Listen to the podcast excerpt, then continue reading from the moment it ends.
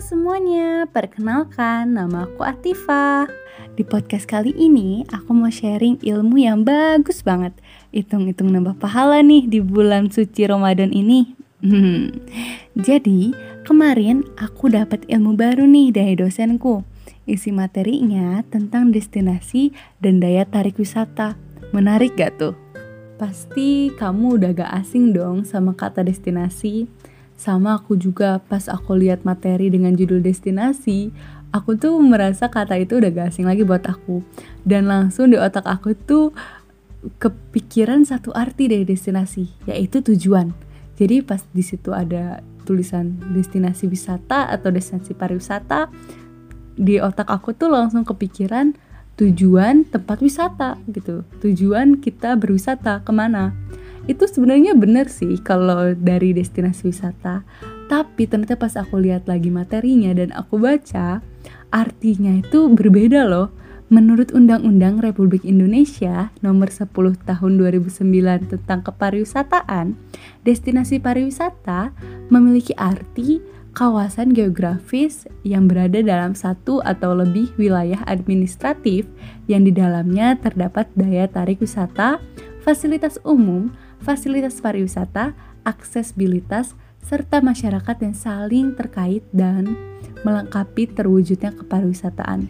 Aduh, pas denger tuh langsung, apaan tuh kok jadi panjang banget artinya? Dari yang awalnya tujuan jadi sepanjang itu. Pusing kan?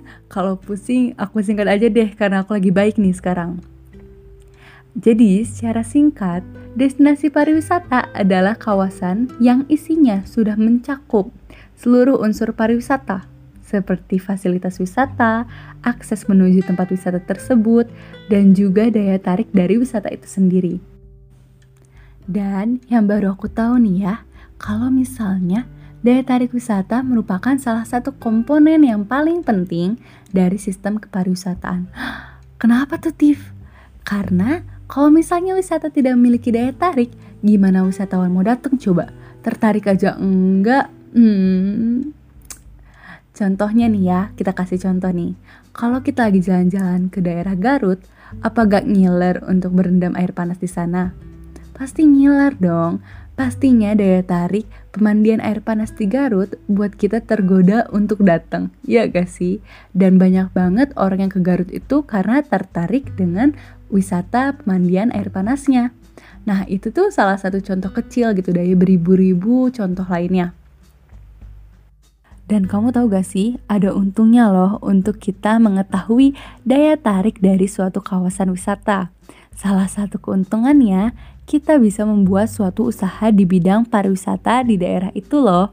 Contohnya nih, kalau daerah itu terkenal dengan sejarahnya, daya tariknya itu sejarah dari tempat wilayah itu sendiri, kita bisa saja membuat usaha tentang sejarah, seperti membuat museum atau membuat tur khusus untuk mengetahui sejarah dari tempat wisata itu sendiri. Jadi, gimana nih? Tertarik gak untuk explore daya tarik wisata di daerah kamu? Tertarik dong ya? Semoga ilmu yang tadi aku sharing bisa bermanfaat ya buat kamu.